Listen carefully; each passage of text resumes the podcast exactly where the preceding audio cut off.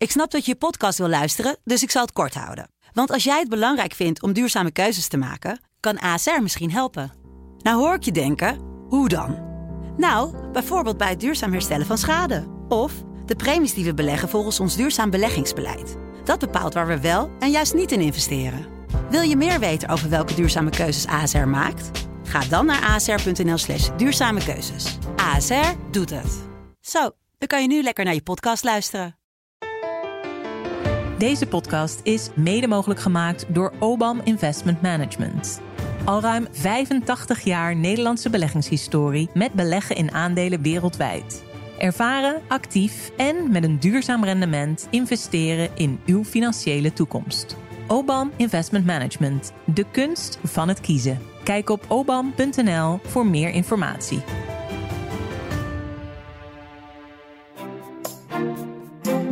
Populair om te zeggen, schaf de toeslagen af. Maar wat dan? Ik bedoel, die toeslagen zijn er niet voor niks. We hebben mensen natuurlijk ook, hebben ook op bepaalde vlakken natuurlijk ook inkomensondersteuning nodig.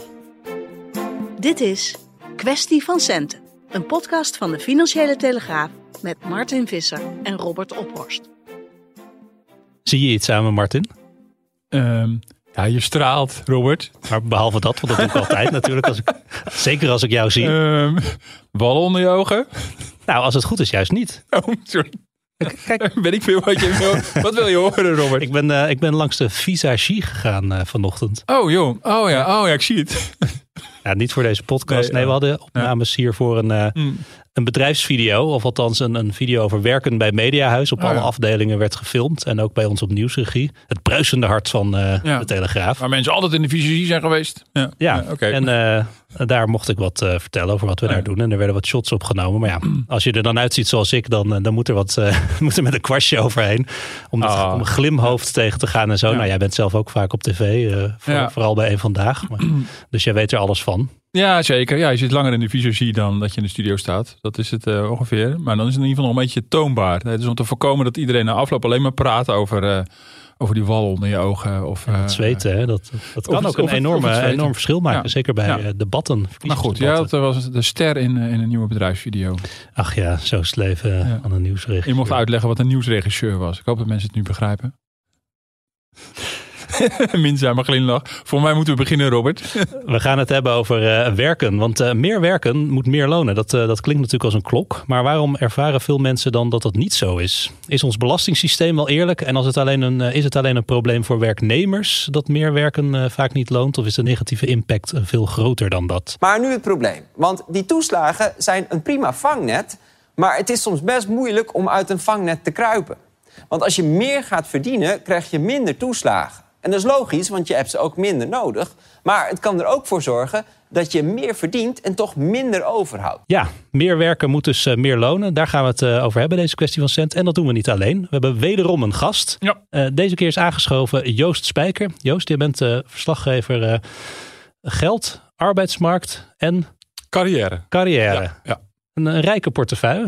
Ja, zeker. Ja, dat is best wel breed wat dat betreft. En uh, de arbeidsmarkt is natuurlijk al groot, maar geld gaat meer over uh, wat je in je portemonnee overhoudt. Nou, daar heeft dit onderwerp uh, in die zin ook wel weer mee te maken. Dus ja, er kwamen een paar dingen samen, zou ik willen zeggen. Ja, je hebt een groot verhaal geschreven. Dat staat als het, we nemen deze podcast op donderdag op. Als het goed is, staat zaterdag in de krant en waarschijnlijk dan ook die dag online. Um, Vertel even, je hebt een aantal uh, gezinnen opgezocht om in kaart te brengen uh, of meer werken voor hen ook meer loont. Laat me raden, het antwoord was nee. Nou, dat is een hele korte samenvatting inderdaad. Ik heb het verhaal samengemaakt met mijn collega Thomas. Die weet dan weer heel veel van fiscaliteit en belastingzaken en dergelijke.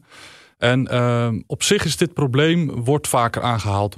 werkt, loont werken nog wel. En ook in de verkiezingen gaat het echt een rol spelen. Pieter Omzicht is er heel erg druk mee. Ja, dat is uh, ook niet gek, want er komen eigenlijk een paar dingen samen. Um, want het probleem bestaat al veel langer. Ja. Alleen de arbeidsmarkt is nu ontzettend krap. Uh, er zijn heel erg veel mensen aan het werk. Volgens mij zelfs een recordaantal op dit moment. Uh, 9,8 miljoen mensen ongeveer. Um, dus de mensen zijn gewoon een beetje op. Dus je moet toch ergens gaan kijken van ja. hoe gaan we er toch voor zorgen dat uh, sectoren overeind blijven. Nou, dat kan dus ook door mensen meer uren te laten werken. Uh, nou, zoals iedereen ook wel weet, is Nederland echt een deeltijdland. Dus we zijn uh, wat dat betreft, de arbeidsparticipatie is heel hoog. Mhm. Maar ja, er zijn wel heel erg veel mensen ook die in deeltijd werken. Dus daar zit best wel wat, uh, Ja. wat ruimte. En aan de andere kant heb je natuurlijk de koopkrachtcrisis. Ja, mensen die voelen gewoon de energiecrisis in hun portemonnee. Er zijn natuurlijk heel veel andere zaken die ze, die ze voelen. Dus je zou kunnen zeggen van het, het, is, het is slim om iets meer te gaan werken een dagje. Uh, dan hou je wat meer over in je portemonnee. En Wat, voor, wat voor voorbeelden kwam je tegen? Want je bent op zoek gegaan naar gewoon uh, mensen die hiermee te maken hebben. Dat uh, langere, meer uren gaan maken niet heel lonend is. Uh, dat je nou zo vooruit gaat. Wat voor, wat voor verhalen kwam je tegen? Nou, eigenlijk heel, heel gevarieerd. Want we hebben een oproep uitgezet ook aan de lezers. En daar kwamen heel veel reacties op terug. Uh, dat zijn mensen die bijvoorbeeld in een uitkering zitten. Wat meer willen gaan werken. En er ineens achter komen van... hé, maar ik moet een heel deel afdragen aan het uh, UWV. Of uh, noem het dan maar op. Maar dat zijn dus ook mensen meer in de middengroepen. Die, ja, wat ik zeg, bijvoorbeeld 20 uur werken en naar, naar 30 uur willen. En um, ik sprak bijvoorbeeld ook een gepensioneerde buschauffeur. Het al twee jaar met pensioen werd gevraagd door zijn werkgever bij Arriva van joh, zou je, het, uh, zou je niet, niet toch weer terug willen komen op die bus? En dat vond hij ook eigenlijk uh, hartstikke leuk, een goed idee. Maar hij schrok zich kapot toen hij zijn uh, belastinginkomsten aangifte moest doen. Want hij moest gewoon ontzettend veel afdragen, veel meer dan hij gewend was. omdat hij bijvoorbeeld in een hogere belastingsschaal viel en een andere toeslag verloor. Dus er zijn echt heel veel varianten mogelijk, maar ja, het komt er eigenlijk allemaal wel op hetzelfde neer. Namelijk dat mensen meer gaan werken en uh, netto niet meer overhouden dan ze uh, eigenlijk aan uren hadden verwacht. Ja, um, want is het, het is dus niet alleen een probleem van dat wij arbeid uh, relatief hoog belasten in Nederland. Nee, want dat is natuurlijk wel een uh, misverstand die vaak uh, die makkelijk gemaakt wordt. Uh, je hebt natuurlijk belastingdruk. je, iedereen betaalt belasting. Hoe hoog is die belastingdruk in Nederland? Kun je dat nou, dat, dat, ligt eraan in, de, in welke schijf je zit. Maar volgens mij zit het in Nederland ergens rond de, dus eind 40, 50 procent. Uh, dacht ik uit mijn hoofd. Ja, voor de hoogste schaal is het, uh, is het 49,5. Voor de ja. hoogste schaal 49,5. Ja, dan betaal je natuurlijk niet over je hele inkomen 49,5. Je hebt eerst nog een eerste, eerste schijf. En die belastingdruk is, is, zit dan dus ergens tussen de 30 en 50 procent, zeg maar. Maar hier heb je het dan over het begrip marginale belastingdruk. Dus hoeveel belasting betaal je over een extra verdiende euro? Stel je gaat 1 euro meer verdienen, of 10 of 100 of 1000. Wat betaal je daarvoor extra? En dan heb je natuurlijk wel gevallen, en die ben jij natuurlijk tegengekomen. Waarin de extra belastingdruk voor, voor, die, voor die extra inkomens. Ja, die zit ver boven die 50%. En dan hou je dus veel minder van dat extra verdiende geld dat, over. Dat kan oplopen tot 86% zelfs. Ja, zeker. Ja. En er waren wel gevallen. Er zijn, ja, hoe theoretisch of pra praktisch het is, weet ik niet. Maar ook wel, uh, er zijn ook wel rekenvoorbeelden waarbij het boven de 100% uitkomt. Dat je er zelfs op achteruit gaat. Nou, volgens mij gaat dat om hele kleine aantallen. Dat zat in, uh, in een recent rapport van de commissie Sociaal Minimum. Die gaf ook een voorbeeld ook. Dat was dan weer bijstandsuitkering. Mensen die twee dagen in de week werken met het behoud van bijstand. Uh, volgens de commissie een hele gebruikelijke manier om stap voor stap uit de bijstand te komen. Iets wat we met z'n allen zouden moeten willen. En daar zijn gevallen bekend. Als je alle toeslagen meeneemt en de noodzaak om kinderopvangtoeslag aan te vragen als je gaat werken. Ja, dan ga je er zelfs op, op achteruit. Nou, dat zijn echt hele extreme gevallen. Maar ja, nou ja, jij brengt in kaart, Joost, dat er zeker allerlei voorbeelden zijn van mensen die 60, 70, misschien wel 80 procent belasting moeten betalen over die extra inkomsten die ze hebben. Ja, en, uh, ja, en wat, ik, wat mij ook wel heel opviel is dat het uh, ook vaak heel onduidelijk is wat je overhoudt. Dus het is zo, je kan natuurlijk... Uh, je hebt honderdduizend verschillende toeslagen. Je hebt toeslagen via de gemeente. Je hebt mensen met een uitkering. En het is ook de, de druk die mensen ervaren. Dus mensen die weten vaak niet wat ze nou netto gaan overhouden als ze meer gaan werken. En daar zit ook wel een groot probleem. En als je inderdaad even hebt over de aantallen, Robert, om even, wat was in het eerste deel natuurlijk even willen scherp willen hebben, waar hebben we het precies over? Dat, uh, nou, het wordt ook allemaal bijgehouden door, door, de, door uh, ministerie van Sociale Zaken en Financiën, die houden dat in de gaten. Nou, en, die, die zeggen van nou, 13% van de werkenden heeft een marginale belastingdruk boven de 60%. Dus voor 13% van alle werkenden geldt dat als je een euro extra verdient, dat je daar 87 cent, dat je daar 40 cent aan overhoudt. Uh, uh, een nog kleiner deel, 4% van de werkenden heeft een, een, belasting, belastingdruk van meer dan 70%. Ja, en dan kom je in die extreme gevallen. En dat geldt dan voor 2% van alle werkenden. Die hebben dan een marginale druk van meer dan 80%. En die voorbeelden die, die, die zijn er dus wel degelijk. En dan zegt, dan zegt het ministerie, ja, het is maar 2% van de werkenden. Dus waar hebben we het nou helemaal over? Maar ja, je zal er maar toe behoren. Dat voelt ongelooflijk onrechtvaardig. En dat concentreert zich misschien ook wel rondom groepen Eh, bij de middeninkomens, dat concentreert zich bij bepaalde parttimers die zoals Jo zegt, eigenlijk wil verleiden om meer te, te gaan werken. Ja, en weet je, als je natuurlijk 9 miljoen, eh 9 miljoen werkenden in Nederland hebt, dus ja, als het 2% is toch een, dus toch een behoorlijk aandeel, dus 180.000 mensen. Eh, dus, dus dat is niet onaanzienlijk. En om het even af te maken, eh, het ministerie gaf ook een rekenvoorbeeld van iemand die 45.000 bruto verdient in een jaar. En stel dat hij naar 46.000 gaat, die verdient dan 1000 euro meer in, in de maand, in, in het jaar. Eh, en die gaat er maar 130 euro net op vooruit. Dus dat is een voorbeeld van iemand echt in een middeninkomen. eh, een prima inkomen in Nederland, maar je betaalt dus 87% belasting over die extra 1000 euro. Ja, dan snap ik wel dat mensen denken, ja, waar doe ik dit in hemelsnaam voor? En dat is voor mij het probleem wat het natuurlijk in kaart probeert te brengen. Ja, is, is dat ook wat er gebeurt? Dat mensen het wel doen, maar zich terwijl ze het doen afvragen waar doe ik het eigenlijk voor? Of is het ook zo dat mensen zich laten afremmen daardoor, door het vooruitzicht dat ze zo weinig extra overhouden, dus dat ze überhaupt niet meer gaan werken? Wat hoorde jij, zag jij daarvan terug, Joost? Nou, dat vind ik dus een goede vraag. Want van tevoren ga je ervan uit eh, dat je heel veel mensen spreekt die eh daar achteraf a- achter kwamen. Die mensen heb ik ook gesproken. Maar je ziet dus ook zeker wel voorbeelden van mensen die niet bewegen op de arbeidsmarkt. Omdat ze bang zijn om die toeslagen te verliezen. Eh, en wat Martin ook al zegt, minister van Gennep, eh, die geeft dan aan. Ja, we zien het wel als een probleem. Er zijn bepaalde extremen. Daar zijn we niet gelukkig mee. Daar willen we wat aan doen. Maar voor 60% van de werkenden geldt dat ze in eh, tussen de 40 en 60% marginale druk hebben. Dat vinden zij te overzien. Je kan je nog afvragen van, is 60% eh, niet ook al veel? Maar oké. ehm, En dat vinden de werkenden zelf te overzien. Of dat vindt het ministerie minister te de minister vooral. De minister geeft aan dat, dat, dat ze dat nog acceptabel vindt. Of in ieder geval, ja, dat, is, eh, dat hoort er nou eenmaal bij als je zo'n heel toeslagenstelsel hebt. Maar wat mij ook opviel, ik sprak bijvoorbeeld ook een ondernemer in Rotterdam. eh, die heeft een taxibedrijf. Die helpt eh, vrouwen met name die in de bijstand zitten, helpt ze aan het werk. Dat is een sociale onderneming. Dus het zijn echt vrouwen die vaak moeders, eh, opleiding niet afgemaakt, noem het allemaal maar op. Komen moeilijk aan de gang eh, in een, eh, ja, om het maar zo te zeggen, normaal bedrijf. Zij wil die dames echt helpen. Dus wat dat betreft is het echt een eh, sociaal project ook. Maar zij zegt van ja, die vrouwen die zijn zo bang om toeslagen te verliezen. En die hebben echt precies nu zich zo gemanoeuvreerd dat ze net dat, e- die ene toeslag en die andere toeslag en alles hangt weer met elkaar samen. En er komt een stukje van de gemeente. En als ik, als ik hier met mijn inkomen omhoog ga, dan gaat aan de andere kant die, eh, die toeslag eh, weer omlaag. Dus die vrouwen die worden op een gegeven moment gewoon bang. En die zijn gewoon bang eigenlijk om, eh, om te gaan werken. Terwijl die vrouw die zegt ook van ja, maar dit is de enige manier om die vrouwen juist uit hun eh, sociaal isolement eh, te helpen. En om ze te helpen om zich te ontwikkelen, eh, om de taal te leren bijvoorbeeld. Dus ja, dat zie je dus ook gebeuren. Dat het niet eens zo is dat die marginale druk eh 80% is, maar dat ze, dat ze het wel ervaren als een groot probleem. Ja. Nou ja, het gaat natuurlijk veel over bestaanszekerheid de laatste tijd. Nou, we hebben dat hele toeslagensysteem opgetuigd om de bestaanszekerheid voor mensen te vergroten. Da- Daar kan je op terugvallen. Dat, dat helpt je als je het nodig hebt. Maar dit is ook wel een beetje een, een rare paradox die we dus hebben gecreëerd. Want tegelijkertijd remt dat mensen dus in hun sociale mobiliteit. En dat heeft natuurlijk ook weer een, een, een negatieve impact soms op hun bestaanszekerheid. Want ze leren bijvoorbeeld de taal niet of ze ontwikkelen zich niet op de arbeidsmarkt, krijgen misschien een gat in de cv. Ja, nee, dat, dat, is absoluut waar. En ehm, eh, die toeslagen die zijn aan de ene kant, eh, ja, le- levert dat heel veel op. Je kan namelijk bepaalde eh, mensen die eh, in een inkomensgroep zitten, kan je heel gericht helpen. Dus als het bijvoorbeeld ook gaat om eh, koopkrachtsteun met een toeslag, kan je heel erg precies aan een knopje draaien, waardoor een bepaalde groep er wat in inkomen bij krijgt.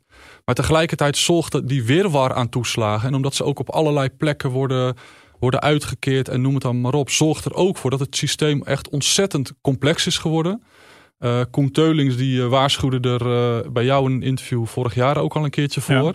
Ja. Zijn we niet al aan het einde van die cyclus? Hebben we niet het nu zo complex gemaakt en hebben we nu aan zoveel knopjes gedraaid?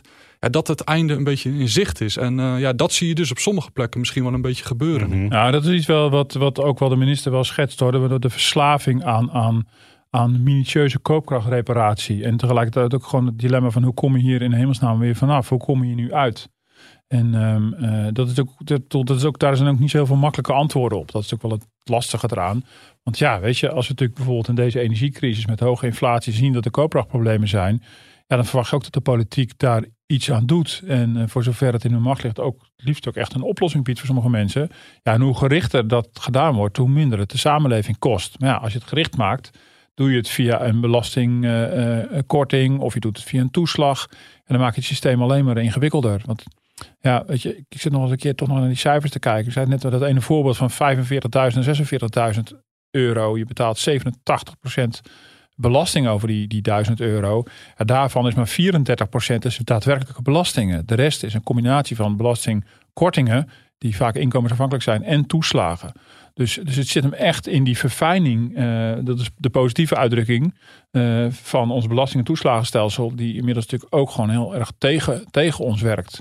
Maar goed, het is populair om te zeggen, schaf de toeslagen af. Maar wat dan? Ik bedoel, die toeslagen zijn er niet voor niks. We hebben mensen natuurlijk ook, hebben ook op bepaalde vlakken natuurlijk ook inkomensondersteuning nodig. Dus wie heeft ooit bedacht dat voor groepen mensen werken betekent dat je er in geld op achteruit gaat? Dat is vraag 1.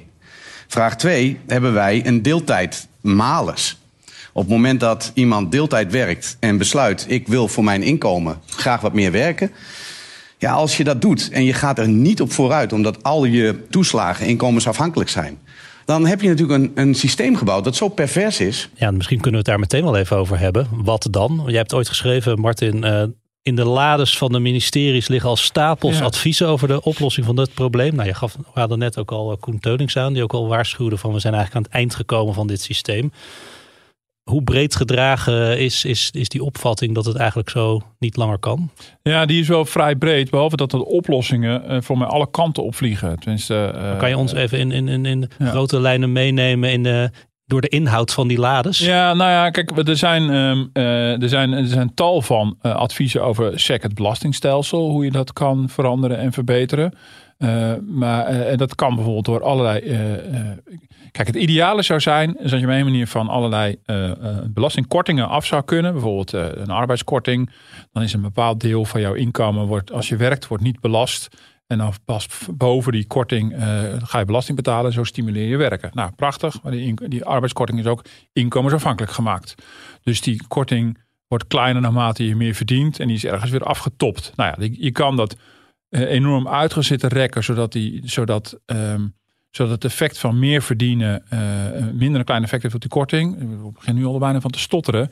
Um, uh, het liefst zou je helemaal van het ding af zijn. Die zegt nou heel simpel is het gewoon. Je hebt gewoon clean, een belastingtarief dat je betaalt. En niet nog allerlei tierenlantijnen en die kerstbomen en weet ik wat allemaal. Maar ja, de overheid wil ook graag werken stimuleren. Dus die heeft ook de neiging om hem niet op werken dan zijn arbeidskorting te geven. Dat is maar één voorbeeld. En dat geldt voor de toeslagen natuurlijk ook. Maar er zijn natuurlijk allerlei wel adviezen over hoe je op een manier toch er naartoe moet kunnen om het aantal, dat is ook al een punt, als je in ieder geval het aantal kerstballen in die kerstboom vermindert. Dus misschien op een gegeven moment bepaalde belastingkortingen gaat integreren. Dus je maakt het allemaal simpeler. Maar hoe simpeler je het maakt, hoe minder gericht het gaat worden. En dan begint natuurlijk de politiek te stijgeren, want dat heeft natuurlijk allemaal effecten voor de koopkracht. Dat zou je natuurlijk ogenblikkelijk terug gaan zien. Ja, een korting waar nu een bepaalde inkomensgroep heel erg van profiteert, als je die gaat samenvoegen met een andere, eh, met een andere korting, uh, ja, je bent er of heel veel meer geld aan kwijt. Uh, of je gaat er ook op bezuinigen. En dan zie je dus dat het een negatieve effect heeft. Dus elke belastingherziening is ook gewoon een, duidelijke wet bijna in Den Haag. Daar heb je ook heel veel geld voor nodig om alle koopkrachteffecten eenmalig weg te poetsen. Dus het heeft al veel smeermiddel nodig. Nou, voor mij is dit niet een heel erg moment dat een nieuw kabinet heel veel geld gaat uittrekken voor een, weer een nieuwe koopkrachtreparatie. En die toeslagen, uh, bij die toeslagen uh, is ook ingewikkeld. In die zin, je hebt natuurlijk gezien, uh, dit kabinet, vertrekkende demissionair kabinet, heeft geprobeerd bij de kinderopvangtoeslag en met de huurtoeslag om die de, of te versimpelen of er vanaf te komen. En dat blijkt nog verduveld ingewikkeld. Een van de oplossingen zou kunnen zijn dat je de kinderopvang toeslag, dat je bijvoorbeeld de kinderopvang helemaal gratis maakt. Dat je geen toeslag meer nodig hebt. Nou, dat komt ook weer met heel veel nadelen.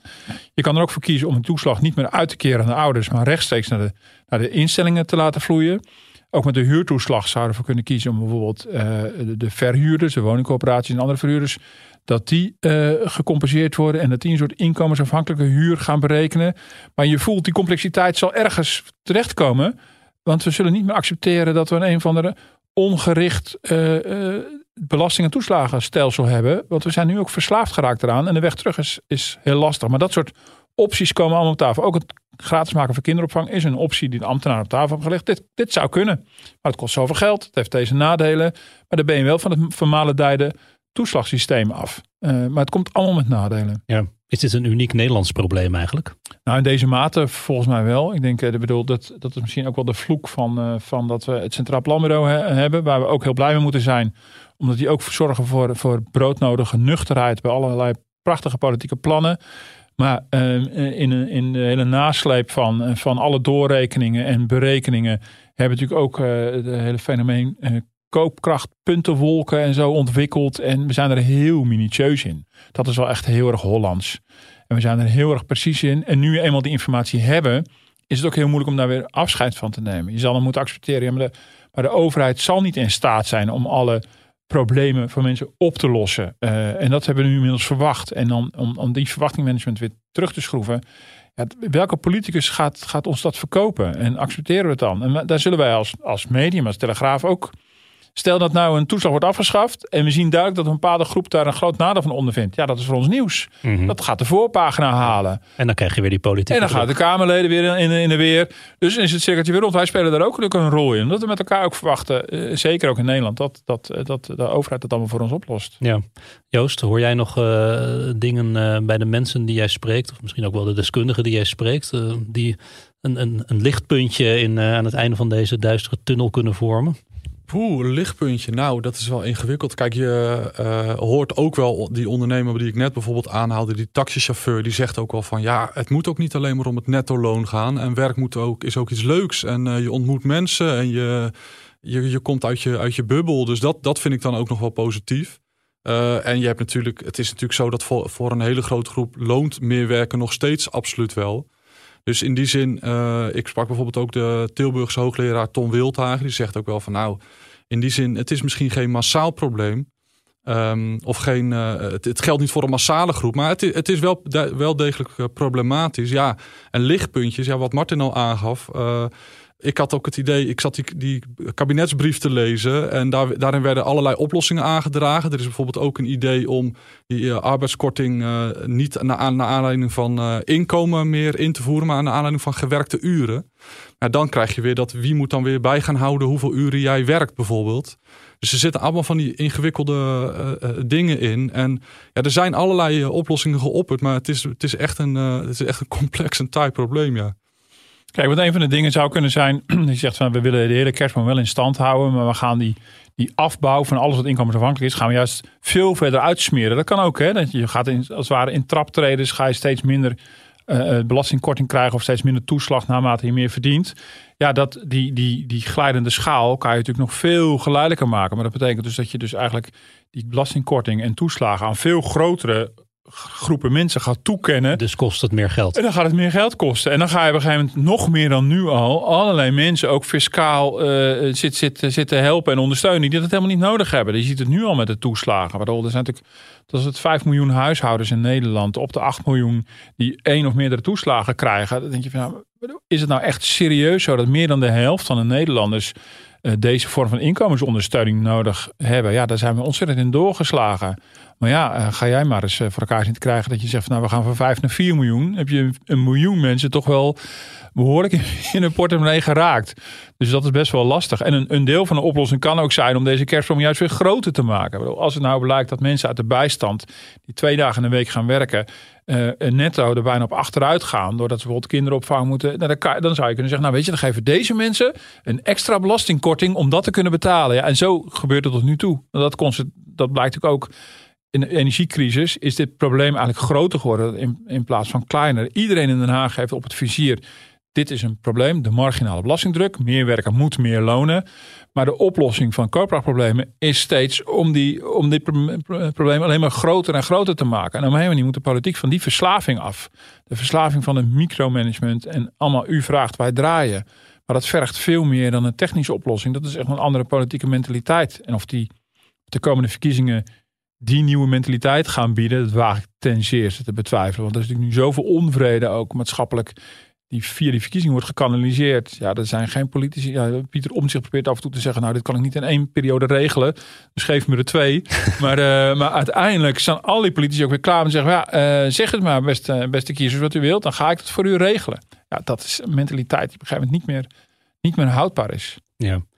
ja, en we hadden het net ook over een aantal relatief kleine groepen nog die dan uh, buitensporig worden getroffen hierdoor. Maar is het niet ook gewoon de middenklasse die, die het eigenlijk het, het meest treft? Want ja, dat kantelpunt. Je hebt een soort kantelpunt. Uh, kan je wel in kaart brengen. Uh, we noemen de bijstandsgerechten. Daar speelt het. Dat is dan de klassieke armoedeval, zoals het in economenterm heet. Dat je dus je gaat wel werken. Dan gaat het echt van niet werken naar werken. maar dat levert dan te weinig op. nou, die gevallen zijn bekend. Maar je hebt ook wel van die, ook wel van die grafieken waarin je kan zien waar een soort van omslagpunt ligt in die, in die, eh, in die belastingdruk voor je extra verdiende eh, euro. En die schuift steeds verder op, omdat we ook in deze koopkrachtcrisis van de afgelopen tijd steeds grotere groepen financieel zijn gaan ondersteunen om die koopkracht een beetje te stutten. En dan zie je dat eigenlijk dit probleem van eh, de extra verdiende euro die niks oplevert, zich verplaatst van nou pak een beetje van mensen rond de 30, 35.000 naar mensen van rond de 40, 45.000. De groep, de groep voor wie het een probleem is, wordt alleen maar groter. Ja, en die, en, of die schuift op. Uh, En die mhm. schuift steeds meer de middenklasse in. omdat we, maar ja, ook de roep is natuurlijk om steeds grotere groepen ook weer te helpen. Wij hebben ook heel veel geschreven over de middenklasse en die het zwaar heeft. Ja, uh, hoe ga je die helpen? Ja, uh, weer met die vermalendijde koopkrachtplaatjes. Dan kom je weer. En dan ga je zitten tweaken. En dan ga je natuurlijk zitten fine-tunen. En dan ga je weer aan al die belastingkorting knoppen draaien en toeslagen. Ik bedoel, de toeslagen zijn de afgelopen tijd alleen maar... Het kabinet wil van de toeslagen af. Maar gebruikt de toeslagen de afgelopen twee jaar heel intensief om de koopkrachtplaatjes rond te krijgen. Dat, is natuurlijk, dat staat ook met, is ook met elkaar in tegenspraak. Maar ja, dit was misschien maatschappelijk gezien niet helemaal het moment om te zeggen: jongens, uh, het is allemaal leuk met jullie koopkrachtproblemen. Maar wij willen van de toeslagen af. Dus, uh, dus zoek het maar uit met je koopkracht. Dat, dat gaat ik ook niet. En daar zit natuurlijk politiek vooral de spanning. Dus technisch zijn er allerlei oplossingen in denkbaar. Maar zie het maar eens. En dan hebben we nog niet eens over de uitvoering. Of de Belastingdienst het allemaal aan kan. Dat is nog een tweede. Maar, maar zie het politiek maar eens te verkopen. En ik weet dat er ook collega's zijn die zeggen: joh, 30 uur werk is meer dan genoeg. Maar ik vertel je, Daarmee gaan wij dit land voorlopig in ieder geval niet redden. En als we zover zijn dat we het voldoende geautomatiseerd, en gerobotiseerd en gedigitaliseerd hebben, oké. Maar tot die tijd zullen we toch allemaal een tandje bij moeten zetten. We hebben het gehad over de groep uh, voor wie het een, uh, een heel groot probleem is. En uh, wat eventuele oplossingen zijn of waarom die er niet zijn.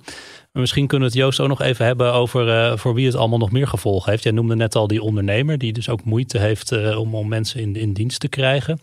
We kampen inderdaad met een, uh, met een groot arbeidstekort in heel veel sectoren. Is dit daar ook deels de oorzaak van? Ja, dat vind ik een hele interessante vraag. Dat je kan kijken van hoe groot is nou dat uh, potentieel. Het kabinet zegt ook, nou wij zien een enorm potentieel in het meer laten werken of het meer aan het werk krijgen van, van deeltijders. Er zijn ook wel economen die zeggen van ja, de groep deeltijders die een, een hele hoge marginale druk heeft, die, die zijn er niet zoveel. De groep die een hele hoge marginale druk heeft, dat zijn vooral de alleenverdieners. En dat zijn nog vaak al mensen die bijvoorbeeld al 40 uur werken.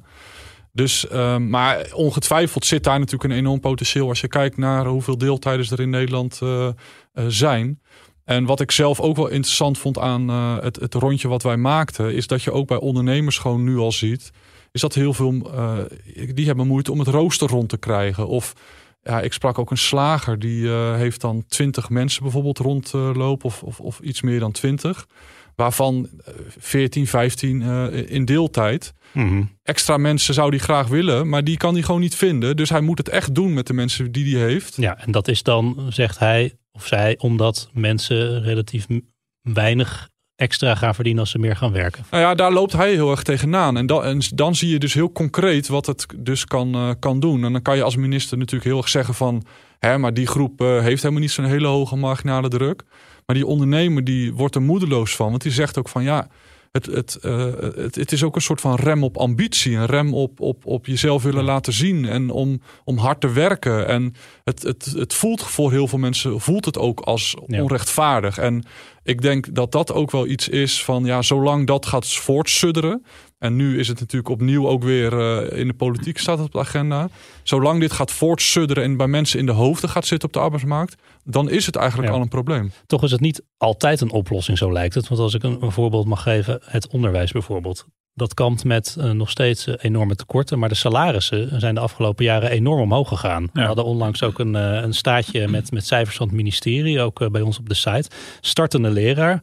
Gemiddeld bruto 3800 euro ruim. Gemiddeld salaris leraar basisschool 5800. En het gemiddeld salaris van een leraar op een middelbare school 6200 euro. Nou, dat zijn echt Dat zijn leuke salarissen. Uh, toch is dat kennelijk niet genoeg uh, voor genoeg mensen om, uh, om in het onderwijs te gaan. En je ziet ook dat veel mensen in het onderwijs deeltijd werken. Wat je misschien ook wel begrijpt, als je dat soort salaris hebt, ja, Dan, dan kan het ook een, een, een, dagje minder of een dagdeel minder. En het komt misschien zo beter uit met het gezin. Dus in die zin, meer verdienen en meer overhouden is ook niet altijd de oplossing voor dit probleem, zou je zeggen. Nee, ja, en dat is ook zo. Ja, ik heb zelf bijvoorbeeld ook kleine kinderen. Uh, je moet dan ook weer een oplossing. Maar Martin laat jou gelukkig wel eh, fulltime buffelen. nee, ik, ben, ik, werk vier dagen, dat heb ik keurig afgedwongen. Nee, maar dat, dat zijn van. Ben je weer gezwicht, Martin? ja, zeker. Ja. Ik ben een moderne werkgever, uh, Robert. Kan je er wat van leren? Maar als ik een dag extra ga werken, ja, dat is, dat is leuk en, uh, en aardig. En dat vindt Martin misschien ook wel een goed idee. Dat weet ik verder niet. Maar dan moet ik die dag extra ook weer allemaal andere dingen gaan regelen. En dan kom je natuurlijk ook weer bij al die eh, voorzieningen. Ja, ja uh, daar kom je ook tegen praktische problemen loop je aan. Mijn kinderopvang die zitten nokkie vol. Ja. die kunnen mijn kinderen misschien niet eens. Maar is het dan ook altijd wel een, een, een probleem van salaris, Martin? Want we hebben het hier ook wel eens eerder over gehad. Over wat een moderne werkgever zijn werknemers zou moeten bieden. En toen hield jij ook een pleidooi. Hè? Dat was dan, uh, jij zei van ja, het gaat te ver om het altijd maar op deeltijdprinsesjes uh, de schuld af te schuiven. Je zou ook eens naar de werkgevers moeten kijken. Die moeten flexibeler zijn in werktijden en werkplek. Uh, misschien ook meer opleidingsmogelijkheden bieden. Zeker. Dus ook gewoon wat, wat meer ja, die zin natuurlijk niet... werknemers. Ja, ja, ik wil het woord uh, niet gebruiken, maar ik ga het toch doen. Maatwerk leveren. Ja, ja, ja goed. Ja. Nee, het is natuurlijk in die zin niet eenduidig. Ik bedoel, het is niet zo dat, uh, weet je, los dit probleem van de marginale belastingdruk even op en, en, en er is niks meer aan de hand. Dat is natuurlijk, is En iedereen zit vol ambitie, iedereen werkt vol tijd en we hebben nergens Exact, er zijn natuurlijk tal van mensen die gewoon om, om heel begrijpelijke redenen gewoon heel graag in deeltijd willen werken of, of vier dagen willen werken of dat een deel van hun leven willen doen. Uh, of misschien wel meer zouden willen werken als de kinderopvang anders georganiseerd zou zijn. Uh, dat is heel, heel verschillend. Dat is heel uiteenlopend. Uh, de, de gedachte bijvoorbeeld van het gratis maken van kinderopvang is bijvoorbeeld ook dat het dan het arbeidspotentieel vergroot. En nou, dat, daar, daar is nog heel veel onderzoek naar. Dat het een zeer de vraag is of dat ook wel echt gaat gebeuren. Um, dus, dus het gaat om veel meer dan alleen maar dat. Ik bedoel, je ziet natuurlijk de, de vlucht naar ZZP is, eh, om een andere afslag te nemen, eh, naar ZZP-schap is voor sommige mensen gedreven door, door geld en de fiscale voordelen. Maar door heel veel mensen ook door het grip en greep hebben op hun eigen werkzame leven. Dus er zijn heel uiteenlopende wensen. Uh, dus ja je hoort bijvoorbeeld, dat geldt aan de werkgeverskant trouwens ook, ook de verhalen uit de gezondheidszorg, waar heel veel parttimers werken. Um, en dan kunnen heel erg uh, zitten klagen over die belastingdruk. En werkgevers hebben zoiets van, ik wil dat mijn mensen meer gaan werken. Maar puntje bepaald is het heel vaak zo dat die werkgevers weer fijn vinden met al die parttimers. Die zijn makkelijker in te roosteren, weet je. Dus er spelen zoveel dingen per sector door elkaar heen. Uh, dus dit is niet per se het eind van Columbus. Alleen, je hebt natuurlijk wel, um, het is in het onbenutte arbeidspotentieel, zoals het CBS het altijd uitrekent, heb je echt wel honderdduizenden parttimers die meer zouden willen werken. Daar kan, daar kunnen, daar kunnen het netto voordeel wel een rol in spelen. Dat zou zeker een rol kunnen zijn. Ja, en dat gaat wel weer om zoveel mensen, dat getalsmatig, dat eigenlijk de kracht op de arbeidsmarkt in één keer op zou lossen. Dan zou het natuurlijk gek zijn als je dit probleem laat bestaan. En ik denk ook dat er ook gewoon uh, dat je met dit probleem ook gewoon puur tegen de vraagstuk van rechtvaardigheid aanlapt. Hoe rechtvaardig is het?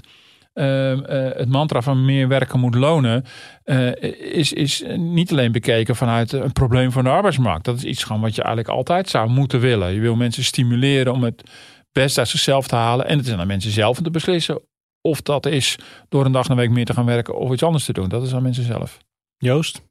Nou ja, dat vind ik ook een interessante. En uh, ja, het is ook interessant dat je eh, aan beide kanten, bijvoorbeeld bij de werkgevers en de werknemers, de vakbonden bijvoorbeeld, vinden het eigenlijk allebei wel een uh, probleem. Alleen ze analyseren het ook wel op een andere manier. Want bijvoorbeeld bij de werkgevers zeggen ze natuurlijk heel van mensen moeten meer gaan werken en dan zijn de problemen opgelost. Maar aan de kant bij de, de vakbonden werknemers zeggen ze ook al van nou, maar meer uren werken. Er wordt al heel hard gewerkt en het zit er meer in de lonen. Dus bijvoorbeeld het minimumloon moet omhoog. Uh, en dan, uh, dan ga je pas echt die, uh, wat extra overhouden in je portemonnee. Dus het, het wordt op een hele andere manier geanalyseerd. Die werkgevers zeggen dan weer van ja, maar dat, die, we kunnen het minimumloon wel verhogen. Maar de werkgeverslasten zijn zo hoog, ja, daar hou je toch niks van over. Dus wat dat betreft, de discussie is, is, is nog zeker niet over. En ik ben, ook, ik ben wel benieuwd nu die verkiezingen zijn. En bijvoorbeeld een partij als van Pieter Omzicht, die vraagt er heel erg nu aandacht voor ja, of er nu ook nieuwe inzichten komen. Of er misschien nu wel een doorbraak gaat komen eh, op dit dossier. Wat denk je? Ja, wat denk je? Nou, dat, uh, dat vind ik een hele goede vraag. Ik denk wel dat, dat deze partij in ieder geval wel die analyse uh, heel erg aan het maken is. En dat vind ik wel verfrissend. In die zin uh, dat het er in de Kamer over gaat. Ik vind bijvoorbeeld ook interessant. Arjen Lubach heeft er laatst een item over gemaakt. Nou ja, het is, het is, het is best een taai onderwerp ook wel. Maar daar, dat geeft wel aan dat het bij het, het grote publiek toch ook steeds meer een discussieonderwerp wordt. En dat het steeds, misschien uh, gaat het er vrijdagavond ineens ook wel over in de kroeg. Ik, uh, ik weet maar het over te veel belasting betalen, daar gaat het toch altijd over in de kroeg? Zeker, zeker. Ja, nou, nee. De marginale belastingdruk is niet altijd een onderwerp uh, dat is in, in, een woord wat erbij komt. Ja. Maar, nee. ja, dus dat is wel opvallend. En dan inderdaad, als een programma als Lubach het oppakt, dan krijgt het ineens een heel andere zeggingskracht. Dat is ook wel opvallend. Ik denk, ja, ik zat er geen snippen nieuws in, maar ik vond het wel interessant dat ze het deden en hoe ze het deden. Dat is dan toch in één klap overtuigend. Dan kunnen wij uh, weet ik veel hoeveel artikelen schrijven. En dan, maar hij bereikt ineens een andere doelgroep, een andere tone of voice. Oh ja, je voelt aan alle kanten dan opnieuw de, ook de onrechtvaardigheid en de onlogica. Ja, dat is natuurlijk vooral, dit is gewoon niet, dit is iets wat we met z'n allen niet willen. Uh, alleen we zitten echt een beetje te zoeken van uh, hoe lossen we dit in, in vredesnaam op. Joost, dankjewel voor je, voor je komst. Graag gedaan. En uh, we gaan je vast vaker uitnodigen. Zeker, zeker. Ja, Martin, Normaal komen we hier altijd met verhalen van uh, inspiratie en uh, de leuke dingen die we hebben gedaan. Maar we zeiden net enigszins verzuchtend tegen elkaar voordat we de opnamestudio inliepen. We hebben geen leven meer. Nee, nee want ik word nu geacht natuurlijk in, in de afsluiting van de podcast nog iets, iets leuks te melden wat niets met werk te maken heeft. Ik moet ja, even wij, heel diep nadenken. Beste luisteraars, wij, wij, wij, wij worden geleefd. Wij gaan van vergadering naar vergadering, ja. van bespreking naar bespreking. Ja. Gelukkig. Mogen we ook af en toe een podcast opnemen. Ja, nou, dat komt ook wat ook een beetje komt. Ik zit nu, uh, nou, ik heb natuurlijk al verteld dat ik uh, op een gegeven moment gestopt was in het boek over Elon Musk. En, uh, nou, dat is niet helemaal waar. Ja, je was wel gestopt, maar je zou doorgaan. Je ik zou, doorgaan, doorgaan, maar dat is nog niet begonnen. En ik zit nu te lezen in het boek van Primo Levi. Er zit een mens, een klassieker geschreven over zijn kampervaringen vlak na de Tweede Wereldoorlog geschreven. Ja, en ik moet zeggen dat als je na een dag werken uh, ga je thuis komt en je hebt uh, gegeten en de verhalen van de kinderen gehoord en iedereen en, en ze liggen ook allemaal op bed. Ja, dan zijn er wel eens avonden dat ik denk van nou, ik heb vanavond even niet zo'n zin in een kampverhaal. dus, ja. dus ik heb in die zin ook op dat front gewoon deze week niet zoveel meegemaakt. Omdat ik dacht van ja, dit is zo'n heftig boek waar ik vast ook wel een keer iets, iets zinnigs over kan zeggen. Maar uh, nou, ik heb af en toe even uh, ja, dit even laten lopen en gewoon uh, met de benen het is wel op een tafel. Mooi boek, ja. gewoon even een beetje zitten zappen. En nou, daar zal ik de luisteraar niet mee vermoeien met mijn zapgedrag. Dan gaan we volgende week gaan we elkaar weer lekker inspireren, Martin. Ja, ik zeg tot dan. Oké, okay, tot volgende week.